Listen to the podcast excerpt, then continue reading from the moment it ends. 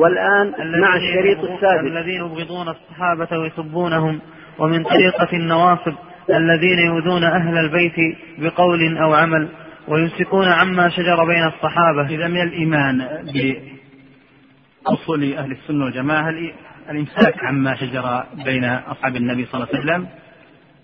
من خلاف.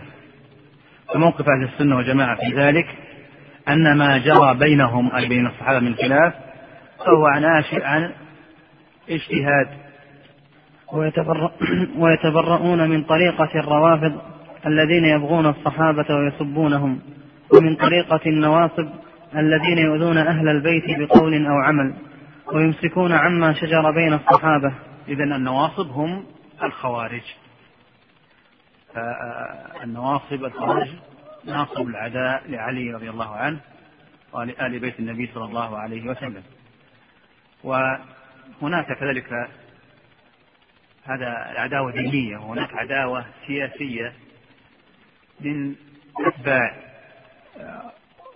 أو من أهل الشام من أتباع بني أمية ناصبوا العداء عربية لبني أمية.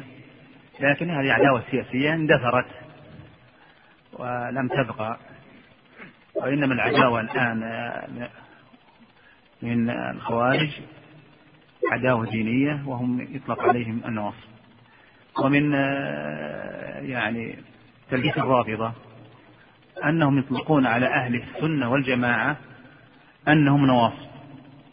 حاشا أهل السنة والجماعة فإنهم يحبون لا يناصبون العداء لآل بيت النبي صلى الله عليه وسلم بل يحبونهم ويقومون بحقوقهم ويعملون فيه بوصية النبي صلى الله عليه وسلم. لكن الهوى يعمي ويصب. وأما الرافضة فقد غلوا في علي وفي الحسين وأبنائه. وأما بقية آل بيت النبي صلى الله عليه وسلم فهم لا يقومون بحقوقهم. حتى الحسين رضي الله عنه لا يقومون بحقه ولا عباس ولا بقية آل بيت النبي صلى الله عليه وسلم. ويعادون أمهات المؤمنين خاصة عائشة رضي الله عنها. ويزعمون أنها هي البقرة التي أمر الله بذبحها في سورة البقرة. ويزعمون أن أبا بكر وعمر هما الجبت والطاغوت. لذا قال بعض السلف في وصف حالهم أن ومقارنة ومقارنتهم باليهود والنصارى قال قيل لليهود من خياركم؟ قالوا أصحاب موسى. وقيل للنصارى من خياركم؟ قالوا أصحاب عيسى. وقيل للرافضة من شراركم؟ قالوا أصحاب محمد صلى الله عليه وسلم. المقصود أن الرافضة يغلون في بعض القرابة في بعض بيت النبي صلى الله عليه وسلم.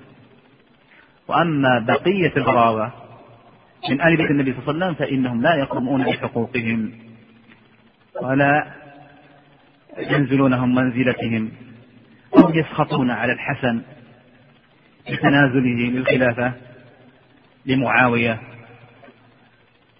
كأن الحسن ليس ابن فاطمة ولا ابن علي بن أبي طالب لكن الهوى يعم ويضل نسأل الله العفو والعافية.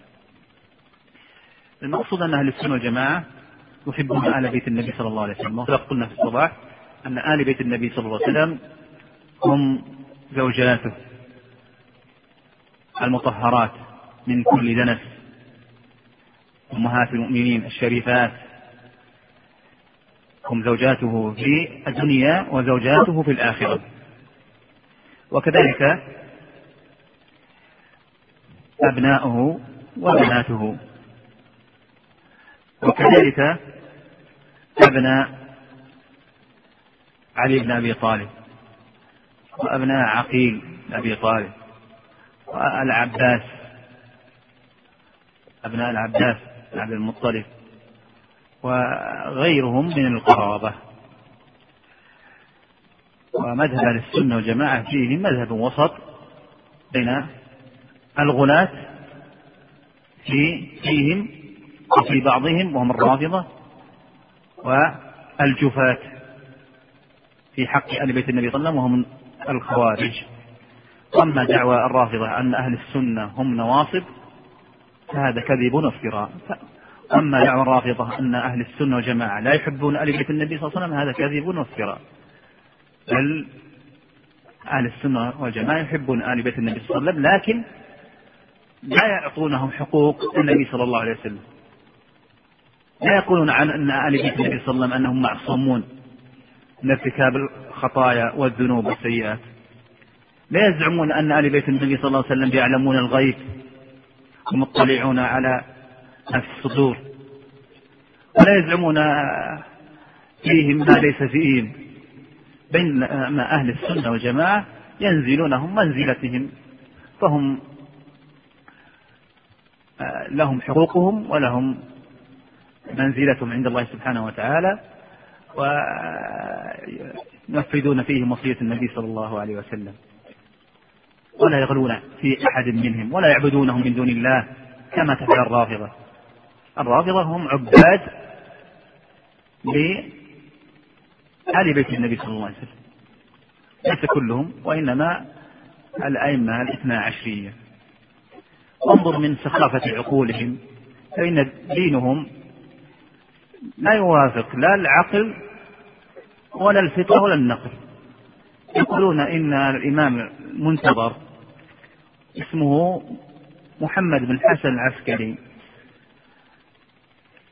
دخل في سرداب سامراء وهو إمام الزمان. وأنه سيخرج في آخر الزمان فيملأ الأرض عدلا كما ملئت جورا.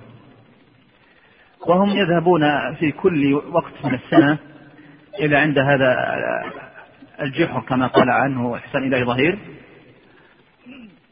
ينادونه يا إمام الزمان اخرج اخرج يا إمام الزمان اخرج اخرج ومعهم الخيل البيض حتى يركب الإمام ومعلوم أن هذه عقيدة خرافية.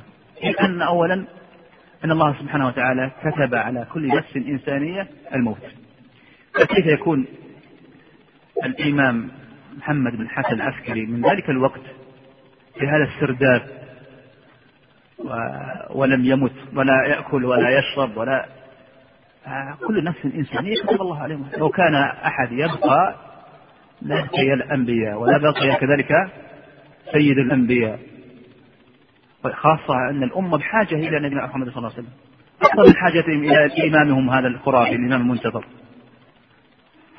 ثانيا أن الحسن العسكري نص أهل التراجم على أنه لم يعقب أي لم يأتي له ذرية. وليس له ابن اسمه محمد. والعجيب أن هؤلاء يعني يعني يزعمون أن أو ما أحدث باسم ولاية الفقيه أن الفقيه هو نائب عن إمام الزمان الذي في السرداب فالعاقل لا تنطلي عليه هذه الخرافات.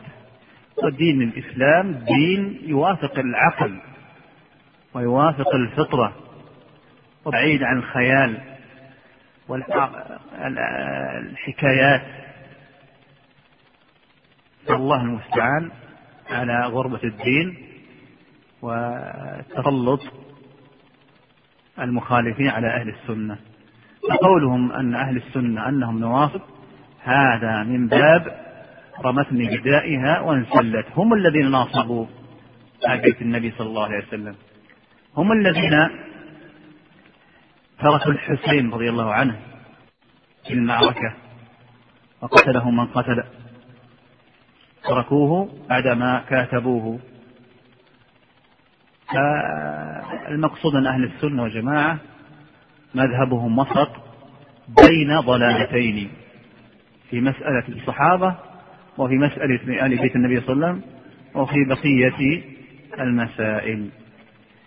والعجيب أنهم الرافضة يقولون لا ولاء إلا ببراء يعني لا ولاء لآل بيت النبي صلى الله عليه وسلم إلا بالبراء بالبراءة من أبي بكر وعمر. إلا بالبراءة من أبي بكر وعمر. يعني الدين عندهم لا يكون إلا بالتبرؤ من أبي بكر وعمر. و الله سبحانه وتعالى ولا يستحون من ظن أمهات المؤمنين بما ليس فيهم. فقد رموا عائشة رضي الله عنها بالزنا. كما رماها من رماها من المنافقين في زمن النبي صلى الله عليه وسلم. ورأى الله سبحانه وتعالى من فوق سبع سماوات. وأنزل الله فيها سورة تقرأ سورة النور. وذكرنا في الصباح سيرة أم المؤمنين عائشة رضي الله عنها فكانت من أحب النساء إليه وكانت من كذلك كانت من أعلم النساء بسنة النبي صلى الله عليه وسلم وحافظة علم كثيرا من الأحكام والسنن وروت الأحاديث الكثيرة فالله المستعان. فهؤلاء يتقربون إلى الله بسب زوجات المؤمنين ويزعمون زوجات أمهات المؤمنين ويزعمون أنهم يحبون آل بيت النبي صلى الله عليه وسلم. هذا التناقض بعينه. فيلزم أنك إذا أحببت آل بيت النبي صلى الله عليه وسلم تحبهم كلهم. لا تحب بعضهم وتسب بعضهم. إيش لماذا هذا التناقض؟ لكن الهوى يعمي ويصم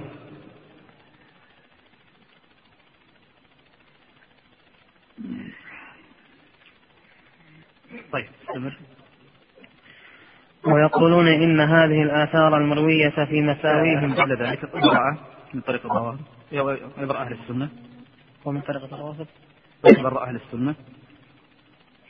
ويتبرؤون من طريقة الروافض الذين يبغون الصحابة ويسبونهم. إذا دين الرافضة مبني على السب. وهذا يدل على أن دين محرف. الدين لو كان الدين السماوي ما يكون فيه سب. الدين السماوي فيه سب وقذف. المحصنات المؤمنات بالزنا ثم يقذف عائشة رضي الله عنها زوج النبي صلى الله عليه وسلم بالزنا. ويتقربون الله سبحانه وتعالى بسبها ليل ونهار. يتقربون الله بسب جميع أصحاب النبي صلى الله عليه وسلم. أبي بكر وعمر. هذا دين ليس دين, دين ليس دين سماوي. انظروا في الأديان السماوية جميعها ما مبني على السب والشتم. السب والشتم لا يصدر إلا عن نفس حاقدة. نفس إنسانية حاقدة. أما الدين الذي من الله فهو بعيد عن هذه السفاسف بعيد عن هذه الأحقاد. دين الله دين يحث على تطهير القلب وتطهير اللسان وتطهير القلب من الغل والبغضاء والحسد والحقد وتطهير اللسان من الكلام السيء والسب. أنزل الله سبحانه وتعالى في ذلك السورة تتلى. وتوعد الله سبحانه وتعالى لمن يغمز ويهمز ويلمز آه، أخاه المؤمن في واد في جهنم. ويل لكل همزة لمزة. الذي جمع مالا وعدده. والهمز واللمز هو يكون ب بالهمز يكون ب باللسان والغمز يكون بتحريك حركات الوجه بالفعل هذا شوفوا كيف الله سبحانه وتعالى توعد من يغمز أخاه المسلم أو يلمزه. فكيف إذا كان الغمز واللمس لأمهات المؤمنين؟ كيف يكون الغمز والهمز وأبي بكر الذي بشره الله بشره النبي صلى الله عليه وسلم بالجنة وعمر وعثمان وبقية الصحابة. فيعلم من هذا أن هذا دين مدسوس دسه اليهود. إذ أن هذا الدين أنشأه أول من أنشأه رجل من اليهود دخل في الإسلام وأراد أن يفسد على المسلمين دينهم. اسمه عبد الله بن سلام. وهو الذي أول من نادى بالغلو في علي وفي بيته بل زعم أن علي رضي الله عنه لما توفي أنه لم يمت. بل رفع إلى السماء كما رفع عيسى عليه السلام. بل زعم أن علي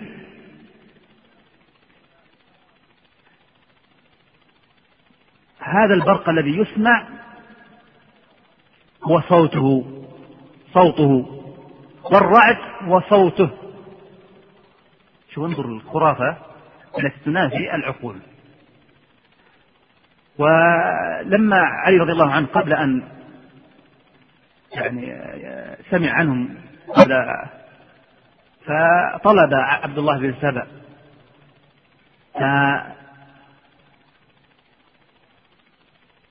اختفى. لكن تمكن من التلامذة من تلاميذ عبد الله بن سبأ. فما كان من علي رضي الله عنه إلا أجج نارا أمر عبده قنبر أن يؤجج النار ثم ألقاهم في النار. فقبل أن يقذفهم في النار قالوا آمنا بأنك رب العالمين لأنه لا يعذب في النار إلا رب النار. وليس المقام مقام بيان وجه المشابهة بين هؤلاء القوم وبين اليهود. استمر ومن طريقة النواصب الذين يؤذون أهل البيت بقول أو عمل. ويمسكون عما شجر بين الصحابة ويقولون إن هذه الآثار إذن مذهب أهل السنة والجماعة كما قلت لكم حفظ اللسان سواء لسانك مع أخيك المؤمن وسواء في حق أصحاب النبي صلى الله عليه وسلم. إذ أن اللسان عواقب الكلمة السيئة قد تدخل, تدخل يدخل بها الإنسان النار. وقد يتجلجل بها في النار. كلمة سيئة. ولو لم يقصد في قلبه. فلذا أمرنا بحفظ اللسان. وهذا ديننا يأمرنا بحفظ اللسان. سواء مع المؤمنين أو مع أصحاب النبي صلى الله عليه وسلم. فما وقع بينهم من اختلاف أي بين علي ومعاوية هو ناشئ عن اجتهاد إذ أن معاوية رضي الله عنه ما نازع الخلافة لعلي. يرى أنه هو الحق. لكن معاوية هو أقرب الناس إلى عثمان وهو من بني أمية. فكان يطالب علي رضي الله عنه بأن يسلم قاتلة عثمان. وعلي رضي الله عنه ما تمكن بعد من الحكم لأن بعض الأقاليم مثل الشام ما, ما ليست تحت يده ما تمكن واستقر له الحكم. فقال بايع ثم نسلم لك قتلة عثمان. عثمان رضي الله عنه. فكان هذا محور الخلاف ما بينهم. وقع القتال في صفين. فالقتال هنا هو اجتهاد. الذي يصيب الحق منهم له أجران. ولا شك أن معاوية هو أقرب إلى الحق. عفوا علي علي بن أبي طالب هو على الحق. وأن معاوية اجتهد ولم يصيب الحق فله أجر واحد. وأن علي رضي الله عنه له أجران لإصابته الحق. و فبالتالي من أصول مذهب السنة والجماعة في مسألة الصحابة الإمساك اللسان مع عن الوقوع في أصحاب النبي صلى الله عليه وسلم. كذلك محبتهم جميعا. لكن تحب علي لفضله ولسابقته للإسلام ولأنه زوج بنت النبي صلى الله عليه وسلم فاطمة وابن عم النبي صلى الله عليه وسلم. فلا شك أنه أسبق في الإسلام وهو أكثر في الفضل فيحب أكثر من غيره. إذا الصحابة ما صدر بينهم شجار في زمن أبي بكر رضي الله عنه. وإنما حصل خلاف وقد مثلت لكم فيما سبق. اختلفوا في في خمسة مسائل. ورجعوا إلى الدليل في المسألة في مسألة موت النبي صلى الله عليه وسلم في مسألة آه، تسيير جيش أسامة في مسألة قتال مانع الزكاة في مسألة الإمامة والخلافة في مسألة ميراث النبي صلى الله عليه وسلم في مسألة دفن موضع دفن النبي صلى الله عليه وسلم فكان يرجعون إلى الدليل إذا ظهر لهم الدليل وكان أبو بكر رضي الله عنه هو الذي إيش يحفظ الأدلة في هذه جميع هذه المسائل فرجعوا إليه. فانتهى الخلاف. كذلك استمر الحال في زمن عمر رضي الله عنه. لم يقع بينهم خلاف. وكذلك استمر الحال في زمن عثمان. في صدر زمن خلافة عثمان رضي الله عنه. إلى أن حصل مقتل عثمان رضي الله عنه عند ذلك انكسر الباب. أي انكسر باب الفتنة. ولا زال آثار مقتل عثمان إلى يومنا هذا. نعم. إذا موقف أهل السنة مما جرى بين أصحاب النبي صلى الله عليه وسلم نعتقد أنهم اجتهدوا أي الطرفين اجتهدوا وليس عن سوء قصد أو سوء نية والمجتهد إن أصاب فله أجران وإن أخطأ فله أجر واحد وليس ما جرى بينهم صادر عن إرادة علو أو فساد أو الوصول إلى السلطة أو الحصول على رئاسة الدولة أو الخلافة. حاشاهم. فلا ما كانوا طلاب دنيا وما كانوا طلاب ملك.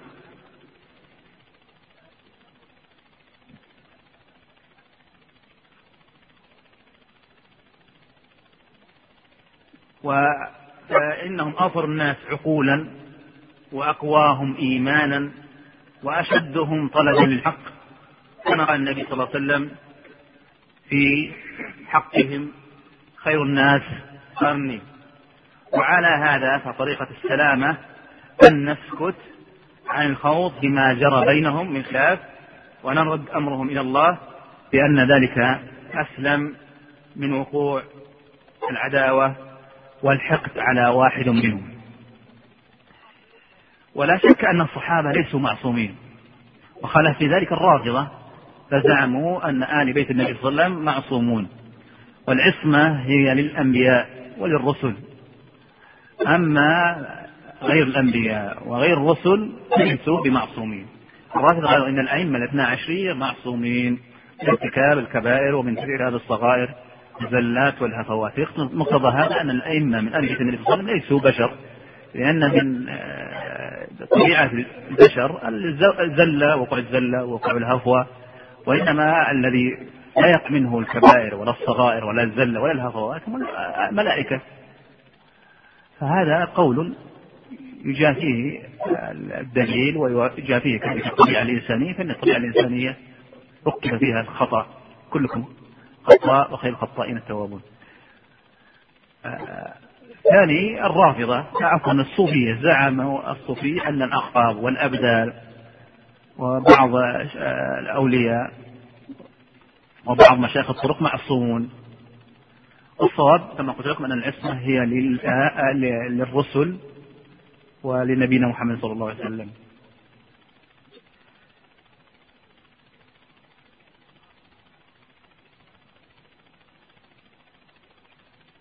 أما موقف أهل السنة من الآثار الواردة في الصحابة فنقول إن هذه الآثار الواردة في مساوئ بعض أصحاب النبي صلى الله عليه وسلم هي على قسمين. القسم الأول آثار صحيحة. و تلتمس لهم الأعذار لأنه وقع الاجتهاد منهم. والمجتهد إذا أخطأ له أجر وإن أصاب فله أجران. الثاني القسم الثاني آثار غير صحيحة. إما لكونها كذبا من أصله وإما لكونها أن زيد من الناس أو الفرقة الفلانية من الناس زادت أو نقصت حتى يوافق عندها من رأي أو من هوى. المقصود أن الصحابة رضي الله عنهم ينبغي الإنسان أن يتحرى خاصة في التواريخ أن يتحرى تلك الآثار المكذوبة فلا يبادر على كذبها. وإذا صحت فيحملهم على أحسن محمل لأن هذا من باب حسن الظن بهم. ولا يجوز إساءة الظن بأحد من أصحاب النبي صلى الله عليه وسلم.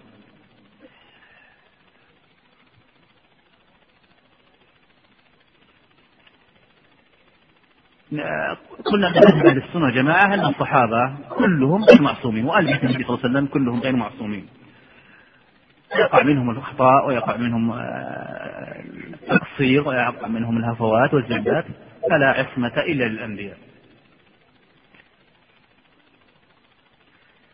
لكنهم أقرب الناس إلى معجزة الله سبحانه وتعالى.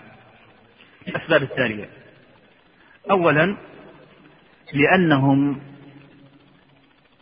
حققوا الدين وشهد لهم النبي صلى الله عليه وسلم بالإيمان.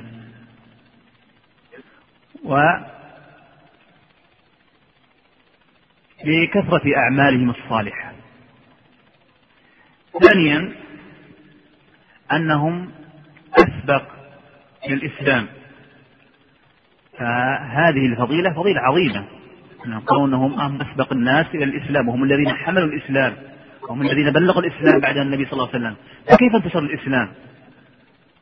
ما انتشر الإسلام إلا عن طريق صحابة النبي صلى الله عليه وسلم. انتشر بين العجم وبين العرب وفتحوا البلاد العربية وبلاد الأعجمية هم الصحابة هم الذين نشروا الدين. فهذه مزيلة وهذه فضيلة لهم. والله ما فتحوا بلاد الأعاجم وبلاد العرب فقط بقوة السيف وإنما لعملهم بالقرآن والسنة.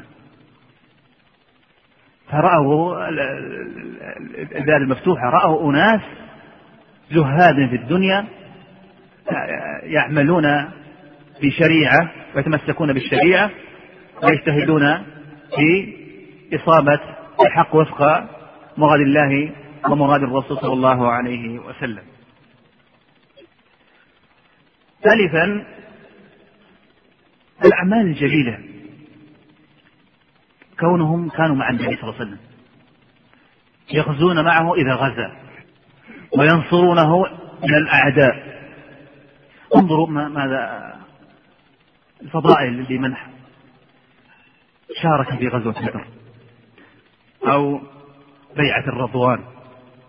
وقد تكلمنا عن ذلك في درس الصلح لا شك أن الذي شارك في غزوة بدر قد غفر الله له. كما أخبر النبي صلى الله عليه وسلم. والذي كذلك شارك في بيعة الرضوان. له مزية عظيمة أن الله رضي الله عنهم ورضوا عنه. كذلك أن الصحابة إذا أخطأوا فإنهم يبادرون للتوبة من الذنب. والتوبة تجب ما قبلها والحسنات تمحو السيئات. كذلك دعاء النبي صلى الله عليه وسلم لهم ودعاء التابعين الذين أخذوا الدين عنهم وأتباع التابعين إلى يومنا هذا نرجو لأصحاب النبي صلى الله عليه وسلم لأنهم هم الذين حملوا إلى الدين وهم الذين بلغوا إلينا الدين. كذلك النبي صلى الله عليه وسلم يشفع لأصحابه ويشفع للمؤمنين.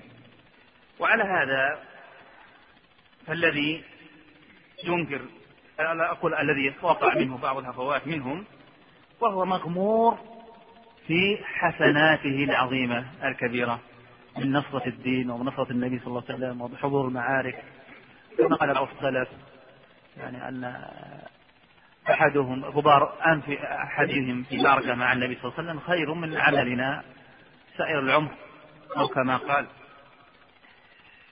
إذا هذا الموقف الحق وهو موقف وسط في حق أصحاب النبي صلى الله عليه وسلم. لا غلو ولا جفاء. استمر ويقولون إن هذه الآثار المروية في مساويهم منها ما هو كذب ومنها ما قد زيد فيه ونقص وغير عن وجهه. والصحيح منه والصحيح منه هم فيه معذورون إما مجتهدون مصيبون وإما مجتهدون مخطئون وهم مع ذلك لا يعتقدون أن كل واحد من الصحابة معصوم عن كبائر الإثم وصغائره. وتجوز عليهم الذنوب في الجملة. ولهم من السوابق والفضائل ما يوجب مغفرة ما يصدر, ما يصدر منهم من إن صدر. حتى إنهم حتى أنهم يغفر لهم من السيئات ما لا يغفر لمن بعدهم لأن لهم من الحسنات التي تمحو سيئات ما ليس لمن بعدهم. وقد ثبت بقول رسول الله صلى الله عليه وسلم أنهم خير القرون وأن المد من أحدهم إذا تصدق به كان أفضل من جبل أحد ذهبا ممن بعدهم. ثم إذا كان قد صدر من أحدهم ذنب فيكون قد تاب منه أو أتى بحسنات تمحوه. أو غفر له بفضل سابقته أو بشفاعة محمد صلى الله عليه وسلم الذي هم أحق الناس بشفاعته. أو ابتلي ببلاء في الدنيا كفر به عنه. فإذا كان هذا في الذنوب المحققة فكيف الأمور التي كانوا فيها مجتهدين إن أصابوا فلهم أجران وإن أخطأوا لهم أجر واحد؟ والخطأ مغفور. ثم القدر الذي ينكر ثم القدر الذي ينكر من فعلهم قليل نذر مغمور في جنب فضائل القوم ومحاسنهم يعني أن أخطاءهم قليلة بجانب بجانب حسناتهم الكثيرة. من الإيمان بالله ورسوله والجهاد في سبيله والهجرة والنصر والنصرة والعلم النافع والعمل الصالح. ومن نظر في سيرة القوم بعلم وبصيرة وما من الله عليهم به من الفضائل علم يقينا أنهم خير علم يقينا أنهم خير الخلق بعد الأنبياء. لا كان ولا يكون مثلهم. وأنهم الصفوة وأنهم الصفوة من قرون هذه الأمة التي هي خير الأمم وأكرمها على الله.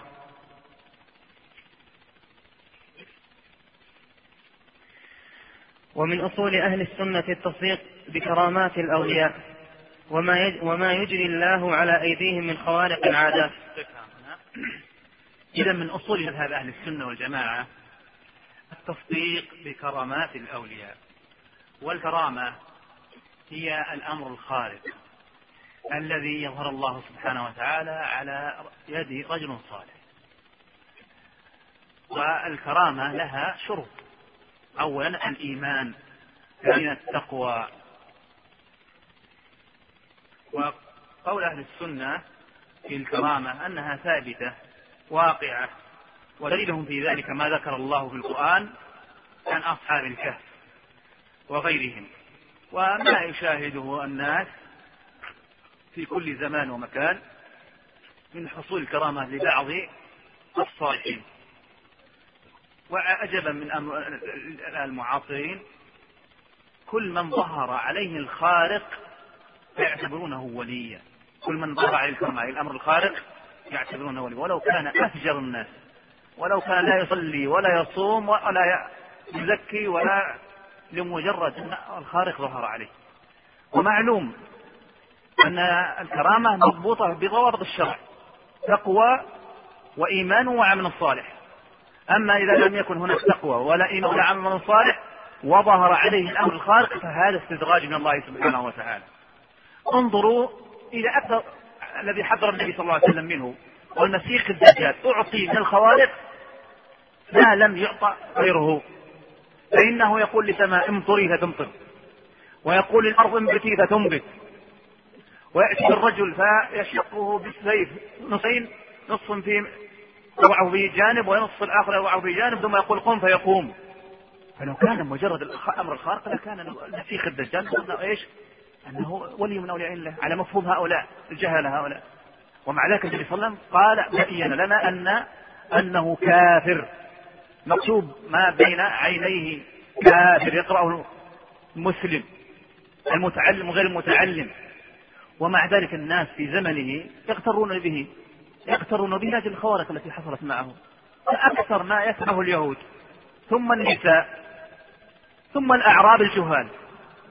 ويدخل جميع البلاد ما عدا مكة والمدينة. لأنه إذا وصل عند أبواب المدينتين المقدستين فإن الملائكة تمنعه للدخول إلى مكة وإلى المدينة.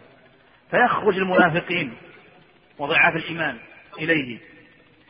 ومن العجائب سبحان الله أنه إذا وصل إلى المدينة صعد فوق الجبل فيقول انظروا إلى مسجد محمد الأبلق يعني الأبلق هو الأصفر المخالط بإيش؟ في خطب مع برتقالي وهو الآن لون المسجد النبوي. المقصود أن هذا الميزان ميزان فاسد. فإن الكافر يخرج منه الخوارق والعاصي يخرج منه الخوارق. لكن لا تكون كرامة إلا إذا كان الرجل محافظ على الفرائض. منتهي عن المحرمات يفعل المندوبات آه تغي يأكل مال الحرام لا يقع في الشبهات نقي قلبه نقي من الغل والحقد والحسد. إذا خرج عليه الأمر الخارق نقول نحسب هذا الرجل ولي من أولياء الله ونحسب أن هذه كرامة. ما نجزم لأنها أمر غيبي ما ندري كرامة لكن نحسب أن هذا الرجل ولي من أولياء الله لأن علم الولاية يعني القربى عند الله سبحانه وتعالى. ما نعرف عنها. نعرف أن الرجل ظاهر صلاح لكن هل هو عند الله سبحانه وتعالى رجل صالح؟ ما ندري. نشهد له بالصلاح. قد يكون بعض الناس يظهر بالصلاح وهو في الباطل خلاف ذلك. المقصود أن الكرامة غلا فيها الصوفية وزعموا أن الكرامة تقع لأفجر الناس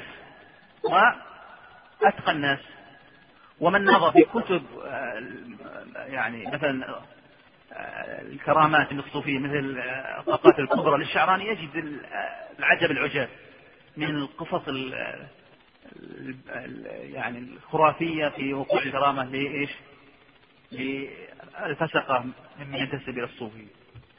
لمن يستحل الزنا ويفعل الزنا ويظن إيش؟ أنه يسد يقول هذا يفعل الزنا ظاهرا أمامك لكنه الذين في البحر انظروا إلى إيش الخزعبلات فهؤلاء أساءوا الدين وأفسدوا علوه صورة الدين الإسلامي.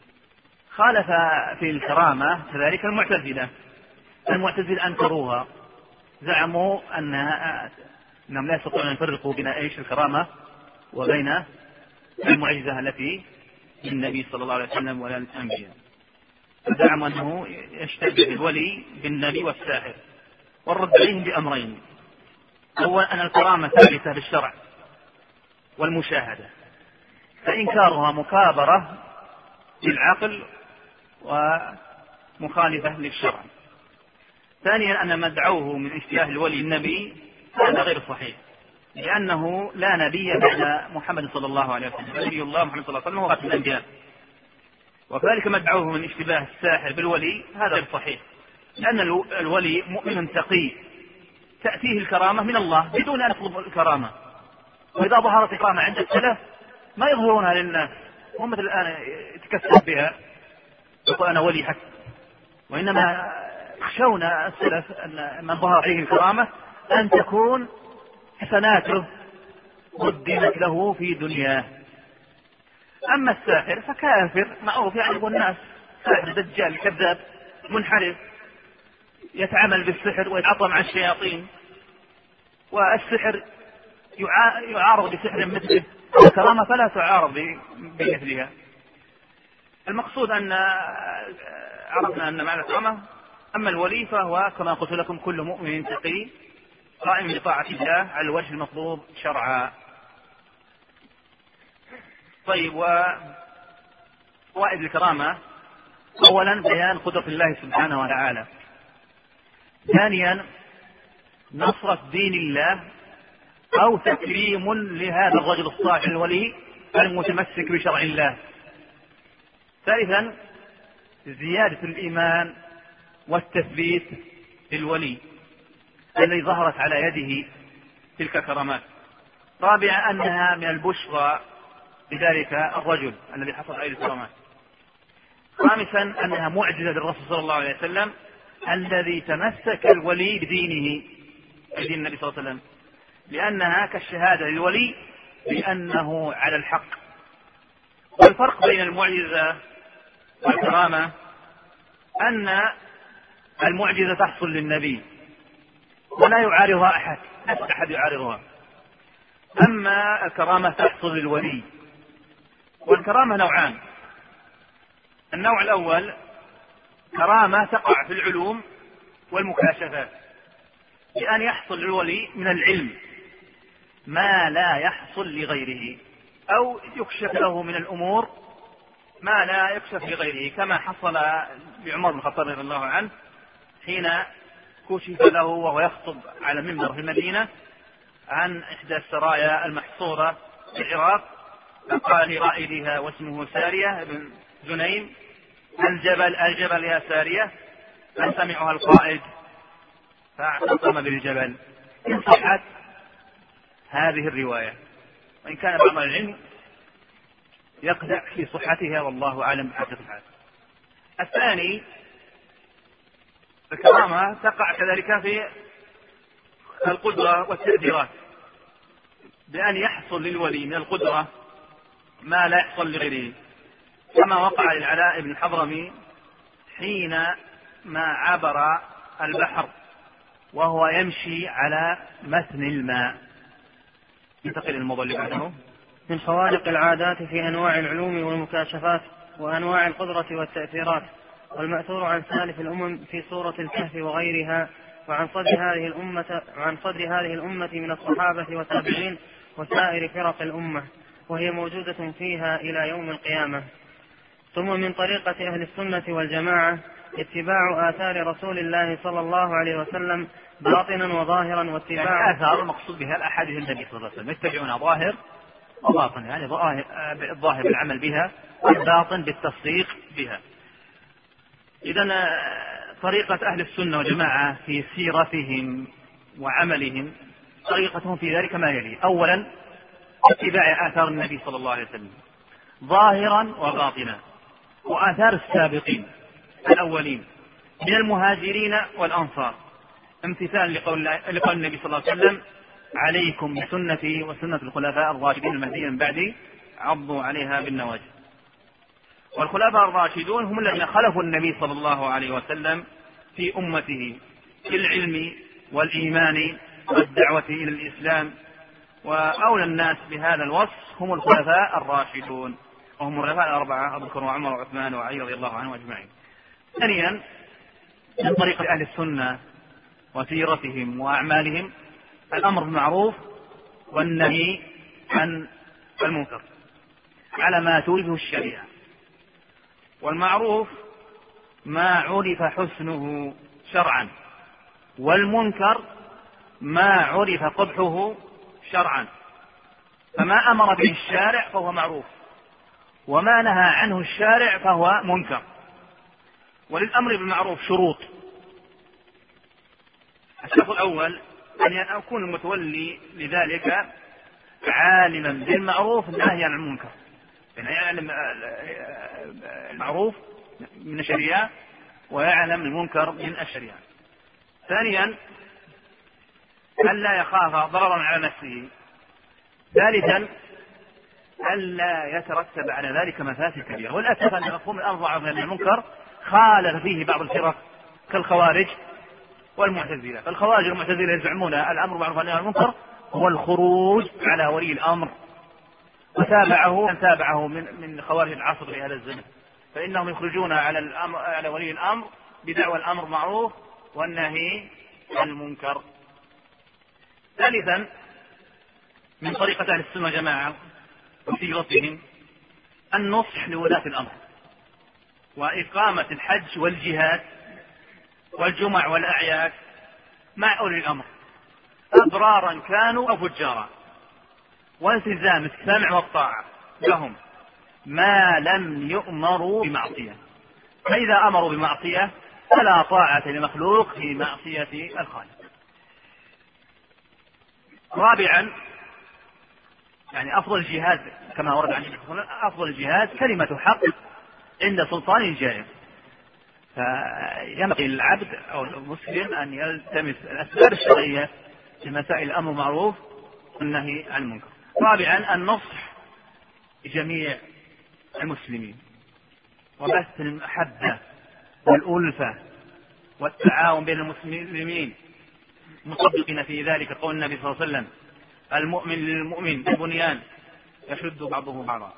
وقبل النبي صلى الله عليه وسلم مثل المؤمنين في توادهم وتراحمهم وتعاطفهم كمثل الجسد الواحد إذا اشتكى منه عضو تداعى له سائر الجسد بالحم بالحمى والسهر ذلك من سبيل أهل السنة والجماعة وطريقتهم الدعوة إلى مكارم الأخلاق ومحاسن الأعمال.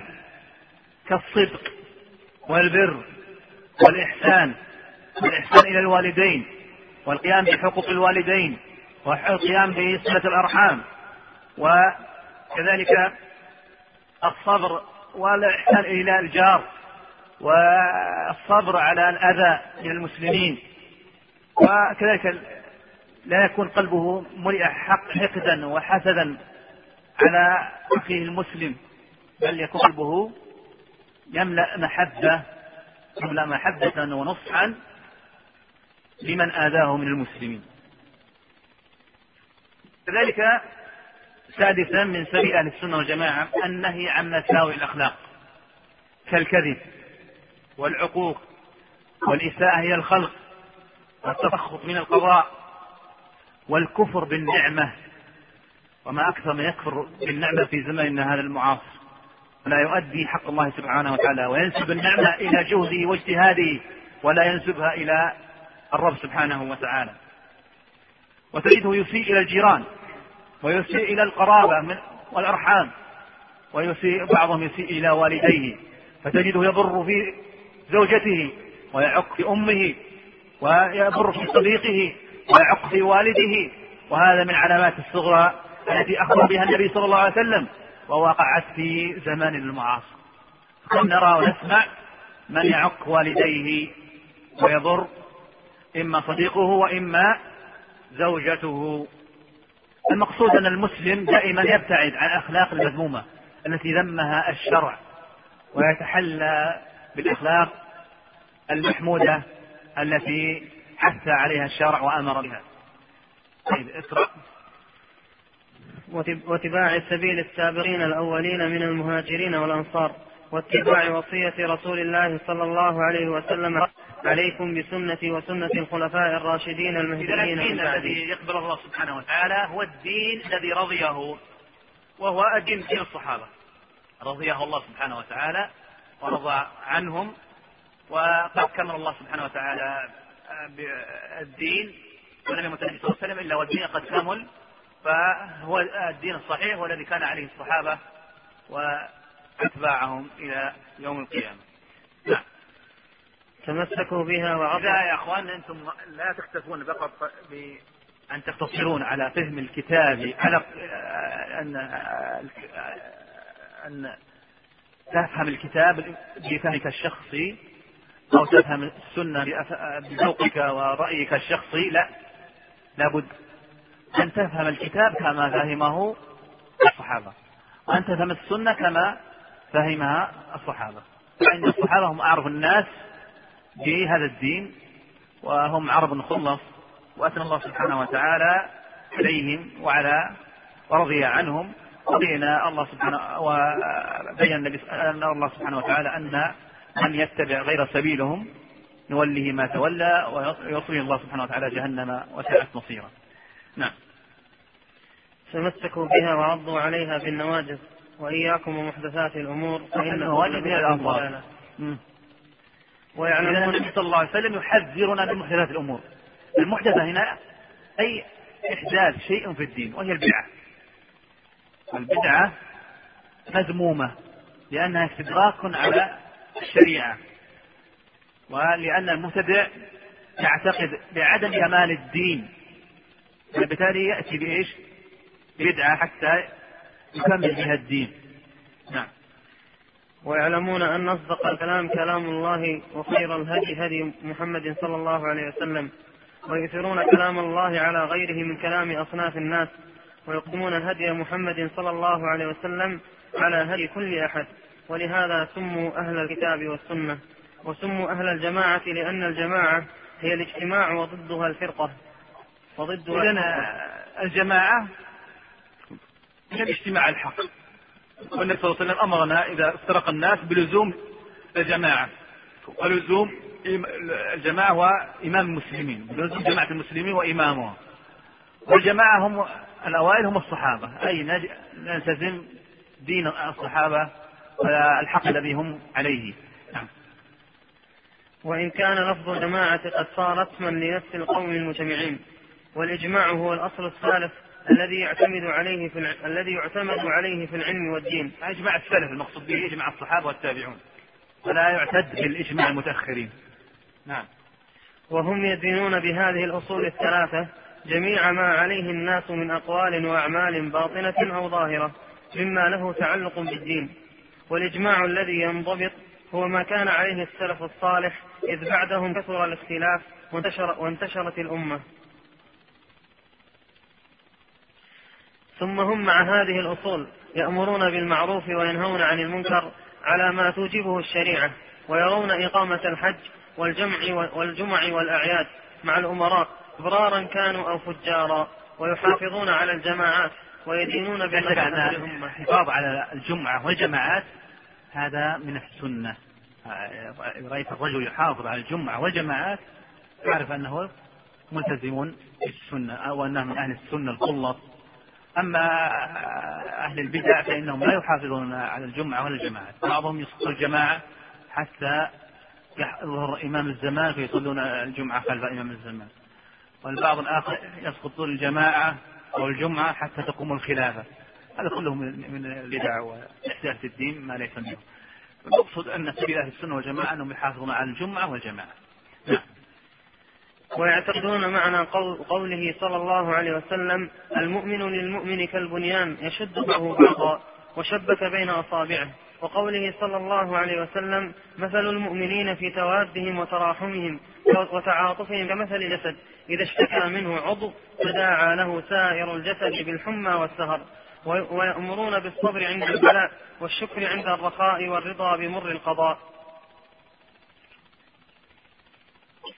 ويدعون إلى مكارم الأخلاق ومحاسن الأعمال ويعتقدون معنى قوله صلى الله عليه وسلم أكمل المؤمنين إيمانا أحسنهم خلقا ويندبون إلى أن تصل أن ويندبون إلى أن تصل من قطعك وتعطي من حرمك وتعفو عن من ظلمك ويأمرون ببر الوالدين وصلة الأرحام وحسن الجوار والإحسان إلى اليتامى والمساكين وابن سبيل والرفق بالمملوك وينهون عن الفخر والخيلاء والبغي والاستطالة على الخلق بحق أو بغير حق ويأمرون بمعالي الأخلاق وينهون عن سفاسفها وينهون عن سفسافها وكل ما يقولونه ويفعلونه من هذا وغيره فإنما هم فيه متبعون للكتاب والسنة.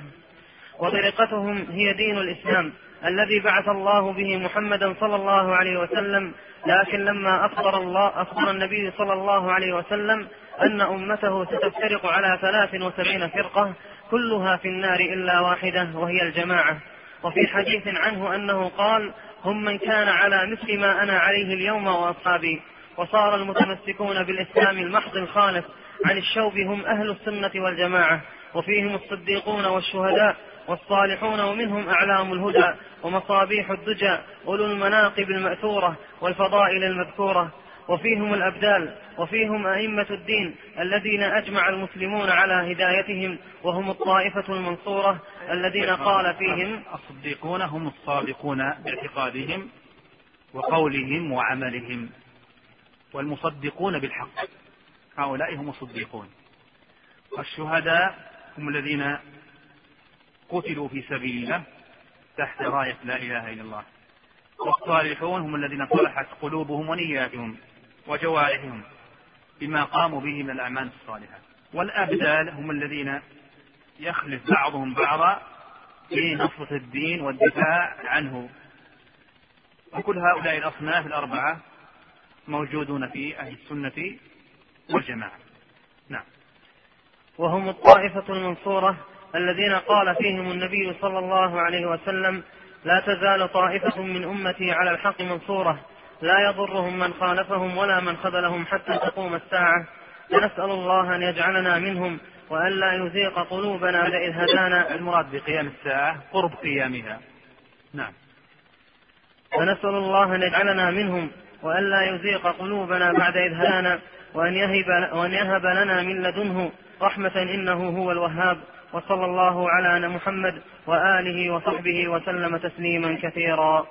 ونختم الشرح لهذه الرسالة المباركة. نسأل الله سبحانه وتعالى أن نكون مع النبيين والصديقين والشهداء. وحسن أولئك رفيقا. وصلى الله وسلم وبارك على نبينا محمد وعلى آله وصحبه أجمعين. مع تحيات تسجيلات إيلاف الإسلامية. الكويت حولي شارع الحسن البصري. ذات الرقم اثنين ستة خمسة ستة ستة ستة اثنين. فاكس اثنين ستة خمسة ستة ستة ستة أربعة. والسلام عليكم ورحمة الله وبركاته.